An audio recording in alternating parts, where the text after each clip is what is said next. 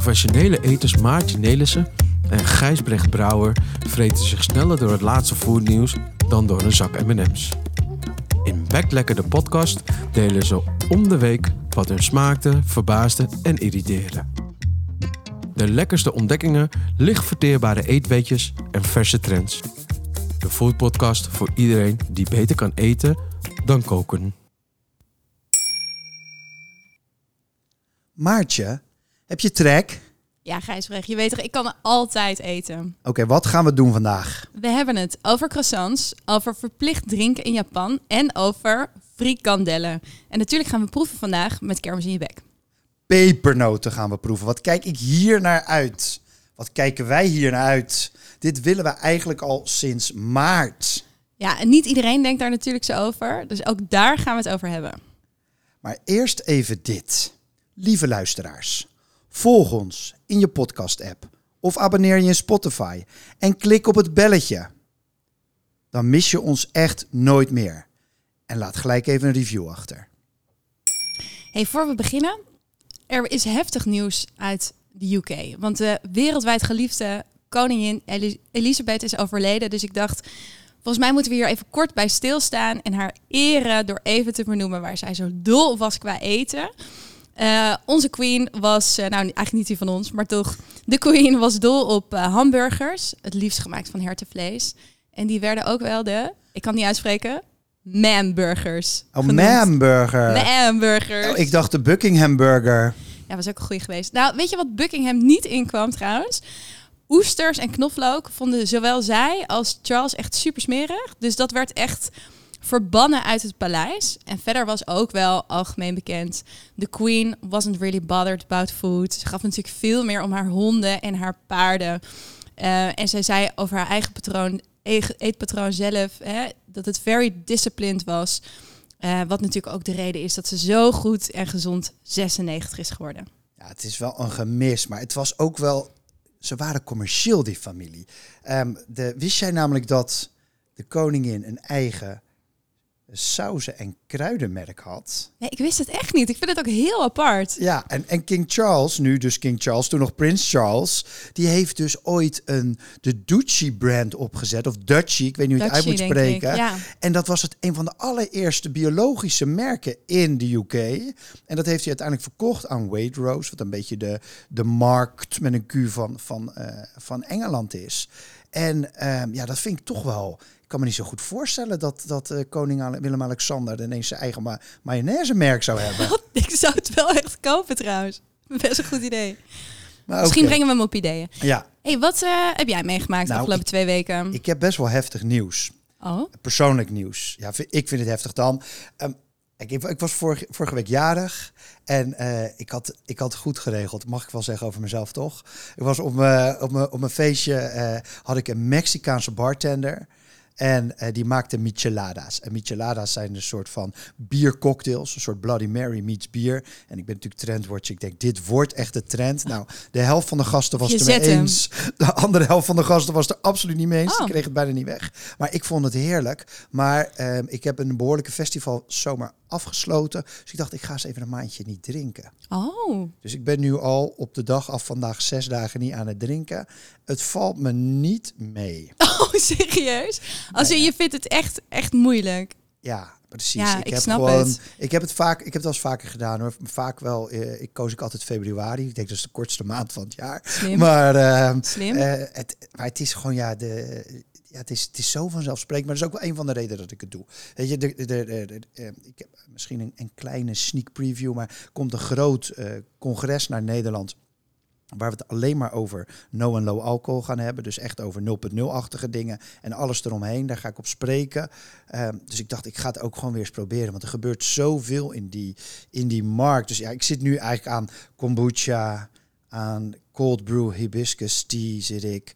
Ik heb champ tea van Artisan. Dat is wel heel cool. Dat is echt een champagnefles.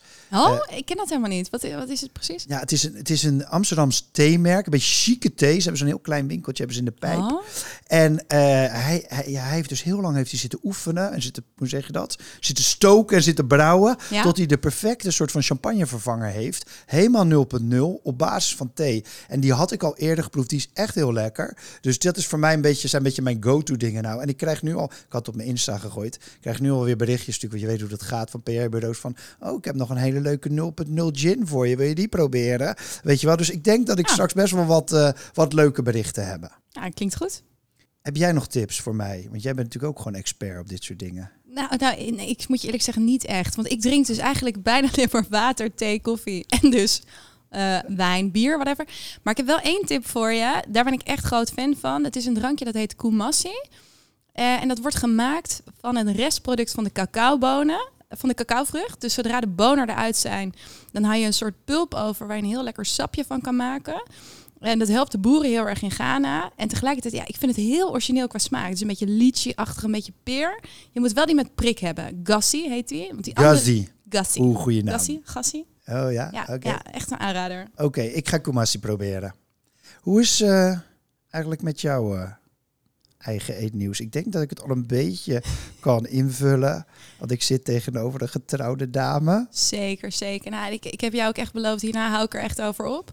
Eh, maar het was natuurlijk één groot feest. Je was erbij. Je hebt wel de Houdini gedaan. Ik weet niet waar je bent gebleven. Ik ben eh, de koning van de Irish exit. Ik ben altijd ineens Prima. weg. Ik vond het super leuk dat je er was.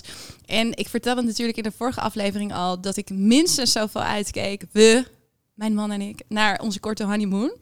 Eh, want die bracht ons bij het strandhotel en eh, twee sterren restaurant Pure Sea eh, van Sergio Herman in Katzand. Nou, dat was natuurlijk allemaal een feestje. Maar echt verrassend vond ik het ontbijt. Er was namelijk ehm, echt een prachtige ontbijtzaal. Heel groot ontbijtbuffet. Ik zag echt bakkerskarren vol lekkere broodjes, finaserie, labnee met eh, avocado, granaatappelpitjes, zelfgemaakte sapjes met vervennen en passievrucht. Oh, nou, het hield gewoon niet op. Het was, ik, vond, ik vond het zo'n feest, dat ontbijt. En dan heb ik nog één ding wat ik erover kwijt wil. Eh, Ja, ga door, ga door, ga door. Ja, je mag van mij doorgaan hoor. Oké, gelukkig. Eh, nou, die eerste ochtend zag je dus echt allemaal van die prachtig mooi opgemaakte borden met salades en vleeswaren en vis en kaas. Nou, dat sla ik natuurlijk meestal, sla ik dat allemaal over. Maar nu lag er de eerste ochtend op een heel mooi bord met eh, gemarineerde gerookte zalm. Een beetje op. Japanse wijze afgemaakt met furikake en sesam. En de volgende ochtend, de ochtend Was daarna, was die anders opgemaakt. Een beetje Fransig, met Oh, eh, eh, groene kruiden en anchovies. En daar sprak voor mij zoveel liefde uit. Ik dacht, wat een, wat een dus aandacht wel voor al- details. Je bent natuurlijk getrouwd, je keek door een roze, roze bril. Ik snap dat er veel liefde was. Was er helemaal niks te zeiken? Tuurlijk, het is altijd, altijd wel iets Gelukkig. te zeiken, toch? Ja. Rotterdammer notabene. Ja, ja, nee, Amsterdammers ook, toch? Nee, nou, de avond, ik ben echt benieuwd wat je hiervan vindt. De avond daarvoor, vrijdagavond, we hebben heerlijk gedineerd in dat fantastische eh, Pure Sea. Was natuurlijk allemaal, allemaal geweldig. Op een gegeven moment hadden we vijf gangen in onze mik. Lekker vijf gangen wijnarrangement. Was helemaal leuk. Toen kwam de bediening naar ons toe. En die zei, hierna komt het dessert. Kunnen we jullie blij maken, een van jullie, om het dessert te vervangen voor kaas? Ik dacht, Heerlijk. Lekker. Kom maar met Wat de kaas, leuk dat je het vraagt. Ik Ja. ben erbij. Dus niet eh, extra, maar vervangen. Nou, fantastisch Er kaasplateau. is niet een gangetje erbij, maar Nee. gewoon toetje eruit, Precies. kaasje erin. Helemaal, helemaal blij. Maar eind van de avond stond er een toeslag van 17,50 euro op de rekening voor die kaas. En toen dacht ik, ja, je geeft natuurlijk wel honderden euro's uit. Dus moet je dan daar moeilijk over doen. Maar ik vond dat dus echt best wel gaar. Wat vind jij? Nou, het is een techniek die ik vaker in de, in de fine dining, in de, in de sterrententen tegenkom. Want zij vinden het ook een beetje gênant om aan jou te vragen. het is ook een beetje het- gênant. Mevrouw, weet u wel dat dit 17,50 euro extra kost? Weet je, dat is natuurlijk ook heel awkward om te zeggen. niet chic. Maar Nee, het is totaal niet chic. Maar daar zouden ze toch iets moeten op kunnen verzinnen. Kijk, ik vind het nog minder chic dat ineens je rekening omhoog gaat. Ik vind het gewoon bijna flauw. Het is gewoon echt een beetje van, joh, je komt hier al 600, 700 piek afrekenen. Mogen we daar alsjeblieft 700, 1750 van maken? Ja, eh, ik zou zeggen, moet beter opgelost worden. Ja. ja, dat vond ik ook. Maar ehm, heb je bij dat ontbijt ook croissants gegeten? Nee, er was zoveel lekkers. Ik dacht, die croissants, die geloof ik wel. Nou, ik vraag het omdat Food news. Goed nieuws. Ons eerste onderwerp gaat over croissants. En ik sloeg de Taste Cooking open. Eh, ik heb hem daarna aan jou gegeven. Wij geven onze bladen altijd door aan elkaar. Nee, was online, sorry. Eh, en daarin stond een artikel over de fabriekscroissant. Die was volgens hen echt goed geworden. Ik lees even voor. Humans may have invented the croissant, but machines perfected it. Nou ben ik onwijze croissant-snop. Hè? Echt, ik ga gewoon in Rotterdam, in Frankrijk, in Amsterdam. Waar ik ook kom, ga ik op zoek naar de lekkerste croissant. En ik ben altijd bij bakkertjes. En ik, dan kijk ik hoe die eruit ziet en hoe die opgemaakt is. Allemaal, allemaal. Maar ik was natuurlijk, denk, wat, dit kan gewoon niet, Bas. Echt van me apropos. Dus ik ben letterlijk gewoon naar de Lidl gelopen. Oh, Heb ik voor 35 cent een croissant gekocht. oké. En later op de dag, want ik moest toch met de trein, in tegenstelling tot vandaag, ehm, heb ik bij de kiosk op het station een, eh, een eh, croissant gekost. Die was geloof ik een euro of ietsjes meer dan een euro. Dus had ik twee fabrieksrestaurants, eh croissants, sorry. En? Ja, het viel eigenlijk heel erg mee. Oh. Serieus? Ja, ik was echt, ik was soort van voorbereid. Ja, tuurlijk, je kan het wel schrijven met je taste. Maar ik, ja, ik ben, je weet, ik zeg net, van de, van de handgemaakte bakkerscroissants. Ja, ik zou niet zeggen dat hij zo goed was. Weet je, dat... Maar het kijk, was niet slecht. hij was niet slecht. Het was Ah. denk ik een, de, de Lidl zou ik zeggen 7 min, de, de kiosk misschien wel 7 plus. En ik vroeg me toch af van waar zit dat verschil dan in? Dus toen heb ik even in Rotterdam heb je Das Brood, dat is wel een van de bekendste artisanal bakeries, weet je, alles met de Mhm. hand. En daar werkt, eh, wer- werkt Lot Winkelman en zij maakt al die croissants daar. Dus ik dacht, ik vraag even aan haar van wat maakt zo'n handgemaakte croissant nou zo bijzonder? Versus dat die gewoon uit de, machine, de, uit de machine komt in de fabriek. Dus zij zegt, waarom ik vind dat handgerolde, handgerolde alleen dat woord al, ambachtelijke croissants waardevoller zijn dan fabriekscroissants. Ik als werknemer van een ambachtelijke bakkerij weet inmiddels dat je een goede croissant niet moet onderschatten. Het resultaat na een maakproces van drie dagen. Drie dagen, Ja, dat wist ja, ik echt niet. Ik heb het één keer gedaan. Oh. Drie dagen lang, elke dag met dat deeg aan de slag. Het was waanzinnig, maar ook, ook heel veel werk. Ja, heel veel werk en heel lekker vond jij. Dus zeg jij, dat zegt zij dus ook. Na drie dagen is het toch aanzienlijk beter, mooier en lekkerder. Naar mijn mening heeft dit voor een groot deel te maken met de ingrediënten, zegt zij. Zuivere grondstoffen en geen toevoeging van hulpstoffen en verbeteraars. Nou zou dat in een fabriek natuurlijk ook moeten kunnen. Maar vooral dat drie dagen ding, Ja. dat, eh, dat gooide zit- mij er wel eventjes eh, bijna vanaf. Ja, er zit zoveel handwerk in. En een deeg moet natuurlijk de hele tijd rusten tussendoor. En ik denk toch een van de belangrijkste ingrediënten is echt hele kwalitatieve boter. Ik denk dat dat toch een van de belangrijkste smaakmakers is. Maar wat ik zelf wel denk, croissants zijn wel... Het is eigenlijk mooi als het iets meer van iedereen wordt. Hè? Het is, eh, ik ben namelijk even op onderzoek uitgegaan. En jouw favorieten in Rotterdam, Das Brood en eh, Le Petit Jean. Een croissant daar is 3,50, 2,60. Ja, het is wel echt aan de prijs. Ik, ik heb het even nagekeken. In Amsterdam komt eh bakkerij, eh, prachtige bakkerij uit Oud-Zuid, Le Forniel. Die komt altijd als beste uit de croissant-test. Daar is die 1,65. Is echt een groot verschil. Heel schappelijk eigenlijk. Komt ook een beetje omdat die bakker van de Fourniel, dat is een Fransman. En in ook. Frankrijk zijn ze echt met prijzen, zijn ze een stuk voorzichtiger dan Ja. hier. Nee, klopt. Maar eh, ondertussen, wat hier in Nederland gebeurt op het gebied van croissants, is eigenlijk nog niks met wat je in het buitenland ziet. Oh. Want je hebt vast gevolgd dat er Ja. in New York een bakkerij is opengegaan. Het heet Lafayette. Goeie naam. Meteen een heel, heel lekker Frans gevoel. En zij hebben een nieuwe stijl croissant eh, gelanceerd. Die heet de Supreme. Of En de het- Supreme. Dus, oh, de Supreme, eh, bedankt. Ja. En het is een platte, best wel dikke, ronde croissant. En je ziet gewoon meteen, je ziet voor mijn gevoel honderden laagjes. Het ziet er insane goed uit. Hij is gedoopt in chocolade of afgetopt met allemaal spannende dingen. Er is eentje die heet peaches and cream. En wat kost die dan? 8,50. Nou, dollar of euro, want hè, die is vrijwel gelijk. Dus het is heel kostbaar. Maar mensen staan gemiddeld uren in de rij. Ja, daar zijn ze in New York toch wel goed in, moet ik zeggen. We hadden daar natuurlijk ook de cronut, hè. De combinatie van donut en croissant moest ook iedereen van de rij staan. Wat deze lui fantastisch doen, vind ik, is ze doen drops. Het zijn net alsof het Nike schoenen zijn die uitkomen. Dus elke week of elke twee weken hebben ze zo'n andere doop. Eh, hoe zeg je dat? Ja, Dip, Dip, waar is hem dopen. ja. Niet doop, waar is hem dippen, maar dip, waar is hem dopen. En dan, dan gaan mensen dus weer in de rij staan om die te gaan proberen. Ehm, maar goed, eh, het artikel van T staat: in Frankrijk koop je verse handgemaakte croissants op elke hoek. En in de VS, waar deze vandaan komt, of hier in Rotterdam of in Amsterdam, natuurlijk niet. Dus we mogen. Ik vind het niet zo erg dat die fabriekscroissants een beetje beter worden. Ja. Nou, ik denk zelf, jij begon hè. Je bent een enorme croissant-liefhebber. Ik leef ongeveer van een goede croissant. Het is voor mij ook het ultieme weekendgevoel. Even dat vakantie, uh, Frankrijk-achtige. Dus ik ben dus ook wel echt voor dat we die croissant uit de snopsfeer uh, gaan halen. Ik heb wel mijn twijfels bij 35 cent. Wat gebruik, ja, je gebruikt dan sowieso geen boter meer, maar uh, margarine of een vervanger. En natuurlijk haalt hij het niet bij die ambachtelijke croissant. Maar ik zat wel te denken, ik denk dat ik liever in plaats van die 8,50 dan toch mijn geld uitspaar voor een halve kaasflank bij Pure. Oké, ja. Nou, twee croissants is één Pure C kaasplank, zo kan je het ook zien. Bijna, ja, precies. Hey, en uh, we hebben nog meer, veel meer nieuws. Ik neem je mee. Wist jij dat er in Japan een overheidscampagne is om jongeren aan te zetten om meer te drinken. Dit is een grap, denk ik. Nee. Meer, niet minder drinken. Niet stoppen met drinken. Gaan ze ook aanzetten tot meer roken of tot meer suiker eten? Of... Nou, het is in ieder geval op dat onderwerp van meer drinken is echt bloedserieus. Japanse jongeren zijn de afgelopen jaren zo van minder gaan drinken dat de schatkist van de Japanse overheid 30% minder accijns heeft binnengehaald. Dus ik lees even 30%, voor. Okay. Dat is echt veel, hè?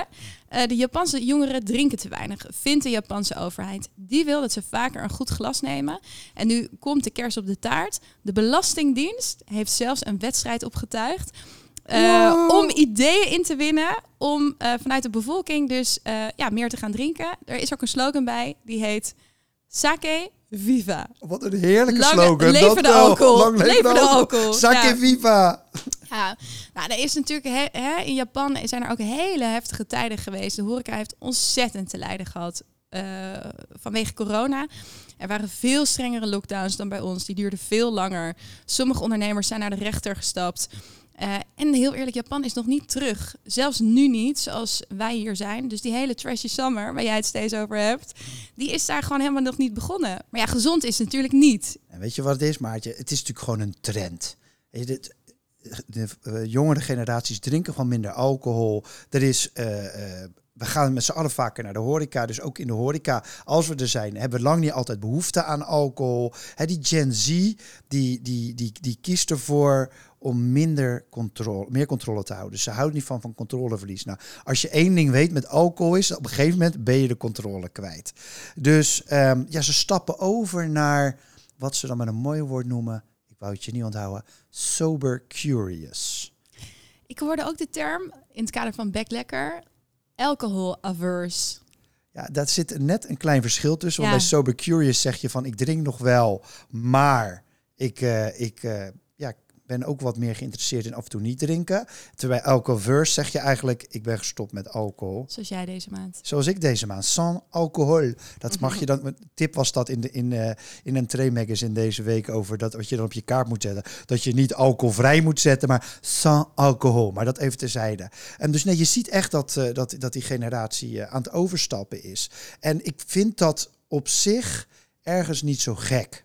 Um, ik zou het bijna willen vergelijken met vlees eten. Um, het is gewoon liever beter en minder dan dat je zegt van um, we gaan, we, we, blijven maar slempen. Hè, dus ja. die ouderwetse, beetje de toen jij en ik jong waren in, in dat we naar de Benidorm gingen en dan helemaal tot het gaatje. Deze generatie die doet dat gewoon niet meer. Um, en ik denk een beetje alcohol gaat ook wel de weg op van roken, wat ik zei van vlees. En um, laten we het bij goede goede drankjes houden. En ik zie dat het bij in Japan nog wennen is. Ik moet eerlijk zeggen, wij zijn ook een beetje karig bedeeld als het gaat om bijvoorbeeld wat in, in San Francisco en in Berlijn echt al gebeurt. Ja. Dat je gewoon 0.0 bars hebt. Ja. Of in ieder geval echt goede alternatieven in de bars als ik geen zin heb in alcohol. Dus ja. laat dat dan even zijn. Hè. We mogen ook wel eens een oproep doen toch in onze, in onze podcast. Jongens, doe wat meer. Niet alleen omdat ik nu deze maand geen alcohol drink, maar doe wel wat beetje, meer. Wel, wel, wel, beetje, eigenlijk ja. wel, ja, sorry. Maar doe wat stuur, meer met 0.0 uh, alsjeblieft. Ja, ja, precies. hey, wat voor nieuws hebben we uit Nederland? Ja, het is echt bizar deze, maar ik, ik, je kan het bijna niet gemist hebben dit. Er is een frikandellentekort. Nou, echt al mijn, mijn soort van... Alles blaast op. Ja, pff, mijn Ja. hoofd, weet je wel. Je hebt, je hebt, je hebt, je hebt toch van die, van die filmpjes waar dat, van die, van die memes dat dat hoofd steeds groter wordt. Nou, that's me toen ik dat las, weet je wel. Ik denk, hoe dan echt? Maar Telegraaf, die bracht het ook echt alsof ze het nieuwe Watergate-schandaal Ja. hadden ontdekt. Weet je, zo van, oké, er dreigt een frikandellentekort in de Nederlandse horeca. De grootste fabriek, er, er is een, een, een, hele grote leverancier in Nederland. Die heeft de afgelopen 10, 20 jaar heeft die alle kleinere opgekocht. Hoe heet die ook weer? Van geloof heten Ja. ze. Hè, dus Mora zit erbij, de Bourgondier zit erbij. Al die merken zitten daarbij. Ehm, en die hebben problemen. Nou, wat voor problemen hebben ze? Personeelstekort. Oh, verrassend. Ja. Softwareproblemen. Oh, verrassend. En te dure grondstoffen. Oh, verrassend. ja, hadden natuurlijk ook wat eh, supply, chain issues met onze podcast. Maar wij, wij zijn inmiddels weer, eh, weer beter terug dan ooit, denk ik. Nou, interessant. Allereerst, wist jij dat er een landelijke organisatie bestond, een brancheorganisatie die heet Pro-Fry? Ja, maar dit is toch... De En die vinden er namelijk ook wat van. I love it. Echt. Ik wil lid worden van de ProFry. Nou, eh, we gaan ze even berichten en wie weet. Nou, wat, wat Profi eh, eigenlijk zegt en de, en de directeur van deze vereniging die zegt... Ja, frikandellen zijn gewoon een halsslagader van de cafetaria. En ook in de horeca is het, is het een heel belangrijk verdienmodel. Dus als je dit straks niet meer kunt verkopen... dan wordt het eigenlijk nog lastiger voor de horeca die het al zo pittig heeft nu. Ja, ik begrijp dat wel. Ehm, en we weten ook, Nederland, de, de frikandel is gewoon cultureel erfgoed in Nederland. En we hebben zelfs een soort nationale eh frikandellenknuffelbeer. uh, uh, a.k.a. Eke Bosman. I love Eke. En hij is meest bekend onder zijn naam Snackspert. Zo'n goede naam. En het is zo'n goede naam en zo'n leuk Instagram-account. Volg hem echt. Gewoon @snackspert. En dan zie je gewoon elke dag waar hij snacks eet. En hij geeft altijd... Hij is heel goed Wat met woorden. sorry, wat spreek jij dat grappig uit? Snackspert. Ik zeg altijd gewoon snacksper. Oh, hij is een snackspert. je bent toch expert? Oh ja, oké, snackspert. Ik vind snackspert leuker klinken. Maar dan weten mensen dat ze die T erachter moeten zetten. Oké, nou even Oh. back to the fo- focus. Eke, de snackspert. ehm, we hebben hem even om eh, zijn visie gevraagd. Want we konden natuurlijk niet Ja, we de bekendste frikandellenman van Nederland hier niet iets over laten zeggen. dan zitten we dus al met een inflatie, een oliecrisis, een gascrisis natuurlijk en eh, laatst ook nog een broodcrisis. We hebben natuurlijk de zonnebloemcrisis gehad, maar dat er een frikandellencrisis aan zit te komen, ja, dat had ik niet voor mogelijk gehouden. Het zijn bittere tijden, ontzettend bittere tijden, maar ik denk dat het gelukkig een frikandel in een glas water is, want ik had al begrepen dat Belgische fabrikanten zoals Van Reuzel hadden gemeld van... joh, bij ons geen probleem, geen tekort aan grondstoffen, geen tekort aan personeel. Wij kunnen het gewoon lekker leveren. En dus hoeft Mark Rutte niet in te grijpen. Kan hij gewoon nog blijven richten op de energiecrisis. Want ik denk dat dat veel belangrijker is om op te lossen. En kunnen wij gelukkig onze frikandel blijven eten. Toch wel ons trots, de frikandel, ons nationaal erfgoed. Eh gaat, gaat goede nieuws ook lekker vieren met een heerlijke frikandel. Ja, nou, superleuke input van Eke, denk ik. Ehm, ik was nog wel benieuwd, zouden ze niet de productie stil hebben gelegd? Omdat er gewoon een enorm grondstoffen uitdaging is op kosten en hoge energiekosten. Wat niet door te rekenen valt in die frikandel, waarvan we allemaal vinden dat die niet meer dan... Ja, wat mag een frikandel kosten? 2 euro, 2,50? Ik was daar wel benieuwd naar. Nou, er zit natuurlijk overal in de, in de wereld van food and drinks nu uitdagingen. Dus het- ik, ik geloof wel dat Ja. die uitdagingen echt zijn. Daar, daar twijfel ik niet aan. Maar als we nou denken over hè, de ultieme snack, last snack standing, welke snack kies jij dan? Ja, Welke mag er nooit, nooit uit het schap? ja, ik vind nu al de frikandel... Voor mij is, is de ramp dus nu al vertrokken. Eh, ik ben echt team frikandel. Ehm, ja, ik, ik, als ik dan moet kiezen, ik ben ook diegene, weet je, als er dan in, zo, in zo'n kroeg zo'n bord voorbij komt met dan een snackplateau of zo'n snackplatter, dan vis ik altijd die kleine frikandelletjes eruit, zodat die, die nasi schijven en die bami ellende en die, en die kaasstengeltjes, Die ik laat ik lekker liggen. en als kan pak ik er twee, maar dan hebben jullie niet van mij. Heel slim. En jij dan? Nou, kijk, zoals ik evenveel als van mijn man als van mijn kind hou, hou ik ook echt evenveel van een frikandel en een kroket. Hoewel de frikandel, de, de vega variant, echt een goede of de plantaardig heb ik gewoon nog niet gevonden. Dus eh, nou, wie weet. Maar wat ik wel leuk vind, is dat er steeds meer eh, ook kleine makers eh, komen. En dan bedoel ik niet zozeer kleine frikandellen. eh, maar ja, gewoon kleinschalige spelers die in een, in een niche stappen. Zoals een culinaire frikandel, weet je nog? Die, Ja. die ik had gegeten bij Strandtent Naturel. Nou, dus nou, wie weet dat hierdoor dat er ook weer meer ruimte ontstaat voor dat soort merken. Oh, dus, maar je bent eigenlijk biseksueel, jij? Best wel. Oké, nou. Ik denk dat ik wel naar België ga als, die, als ze niet terugkomen, die, eh, die, die frikandellen. En dan ga ik gewoon naar Frituur het Fritamintje. Ja, die bestaat. Ik vind het echt de beste. Het fritamintje? Het fritamintje. Oh, ik vind het echt yes. de beste frituur die heel bestaat. lekker, ja. En dan haal ik daar een frikadel zonder N. Eh, en dan gaan, want de Belgen hebben dit gewoon beter geregeld dan wij. Hey, volgens mij hebben we al 25 minuten trek. Zullen we naar kermis in je bek? Kermis in je bek. Ja, wij proeven elke podcast iets, zodat jij als luisteraar het niet hoeft te doen. Of juist wel, want dan proef je met ons mee de winnaar. Ehm, nou, zoals Gijsbrecht al zei, sinds maart kijken wij uit naar pepernoten of kruidnoten. Zo'n zin. Niemand die het weet. Wist jij trouwens, ik ging naar de landmarkt, want ik Nee. dacht, ik ben benieuwd wat voor pepernoten ze daar hebben. Dus ik ging vragen, heb je al pepernoten in het schap? En ik werd echt aangekeken door zo team pepernoten kan niet voor november. Weet je wel, die gast Ja! keek me echt zo aan van, wat kom je doen met je, Ja, je, vraag bent om je, bent gewoon, je bent gewoon fout, ben jij. Dus Ja. als je fout in de oorlog bent als je nu pepernoten eet. Dat. Maar ik denk, jongens, ik hou van pepernoten. Waarom kunnen we ze niet eten nu in augustus of september? Ik weet, toen wij hiermee begonnen was het echt zo van... sowieso bij Kermis in je bek gaan we pepernoten proeven. En het liefst zo vroeg mogelijk. Dus laten we het doen. Ik ga je vertellen wat we hebben meegenomen. Wij hebben eh, de tompoes smaakpepernoot meegenomen van de Hema. Ik heb bij World of Peppernuts de pumpkin spice gevonden. Heerlijk actueel ook. En bij Van Delft, de pepernotenwinkel, hebben we limoncello met witte chocolade gevonden. Waar zullen we beginnen? Nou, laten we hem gewoon pakken. Eh, we hebben er nog een paar. Misschien dat... Laten we maar even beginnen met die roze. Faisal, Faisal eet, eet, eet dus vorige keer ook weer mee. Ja, lekker.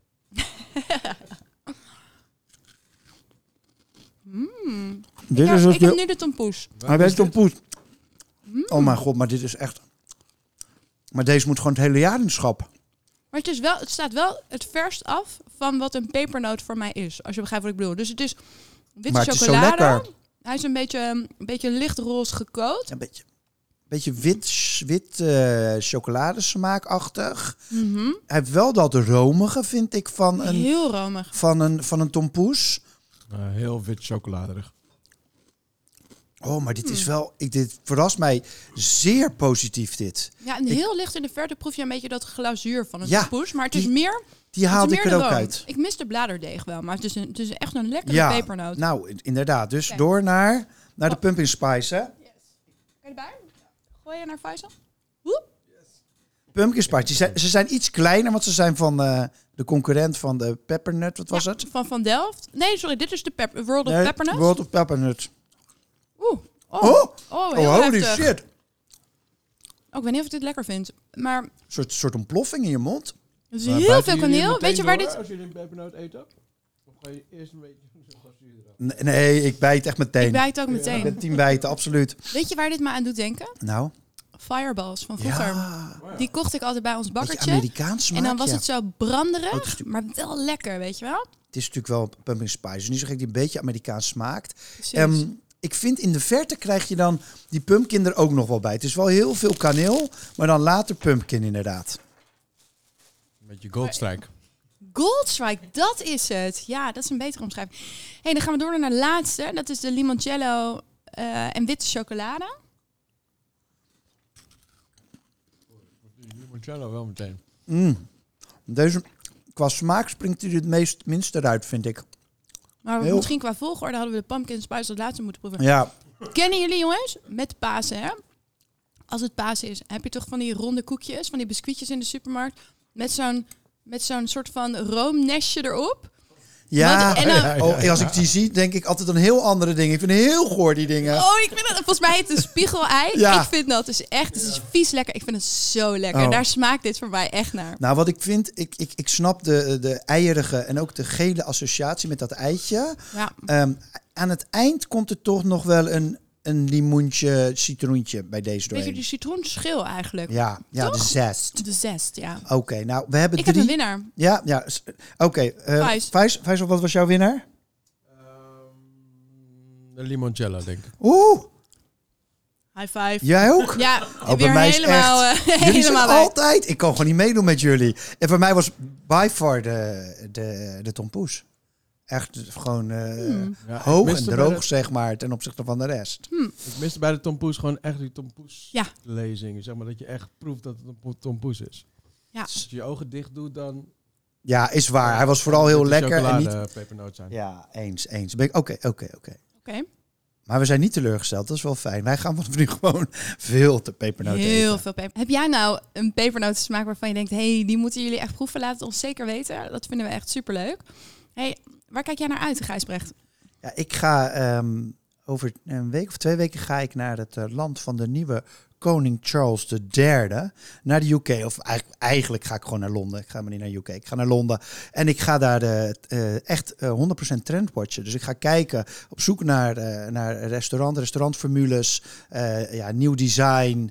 Eh, gewoon echt even kijken. Ik vind wat, Londen is wat dat betreft echt wel de hoofdstad van Europa als het gaat om food and drinks en horecaformules. Dus eh, ja, daar kijk ik onwijs naar uit. En hoop je iets tegen te komen? Of waar ga je op letten? Ja, ik ga naar, naar Fitzrovia's, Soho. Dus echt een beetje midden van de stad. Vroeger ging ik altijd een beetje hè, naar, naar, naar het oosten, weet je wel. Hackney was de laatste keer waar ik veel Hackney. geweest was. Eh, maar het mag weer in het centrum. En ik ga wel wat chicere dingen bij kijken. En ik ga met name kijken naar Oost-Aziatisch. Bijvoorbeeld de, de Taiwanese keuken is heel erg in opkomst. En Mexicaans. En dan culinair Mexicaans. Dus even een stapje verder dan eh, de enchilada en de taco. Maar echt even kijken van gewoon next level Mexican eh, spullen. Oh, dat klinkt echt heel goed, ja. En jij dan? Nou, Oh. zonder dat wij het van elkaar wisten, en daar kwamen we begin deze week achter, ben ik dezelfde week dat jij in Londen bent, ben ik ook in Londen. Maar ik denk dat we elkaar gewoon niet tegen gaan komen. Want eh, ik zal er binnenkort wat meer over vertellen. Ik heb een nieuw project. Eh, en plant-based, dus vegan, eh, is daarin heel belangrijk. Dus ik ga twee dagen naar Londen om ondernemers te spreken, start-ups, maar ook een sessie met de City of London, hoe zij kijken naar hun voedselbeleid. Cool. Super leuk. En ik, ja, ik heb gewoon echt heel zin om toffe zaken te bezoeken. Ik kwam Holy Carrot tegen. Best wel een toffe naam. Vantra Vegan. Eh, twee uh, super goede plantaardige restaurants. Dus ja, ik heb er ook heel veel zin in. So, oké, see you in London, baby. Yes. Dit was Back Lekker de podcast vanuit Bunk in Amsterdam-Noord. Dank aan Gold Kimono voor deze lekkere tune en aan Faisal voor de productie. Vergeet niet onze podcast te raten in je favoriete podcast app. En heb jij nog voetnieuws? Laat ons vooral weten via Instagram, Twitter, LinkedIn. Je vindt ons als je zoekt op Back Lekker de podcast. Tot over twee weken.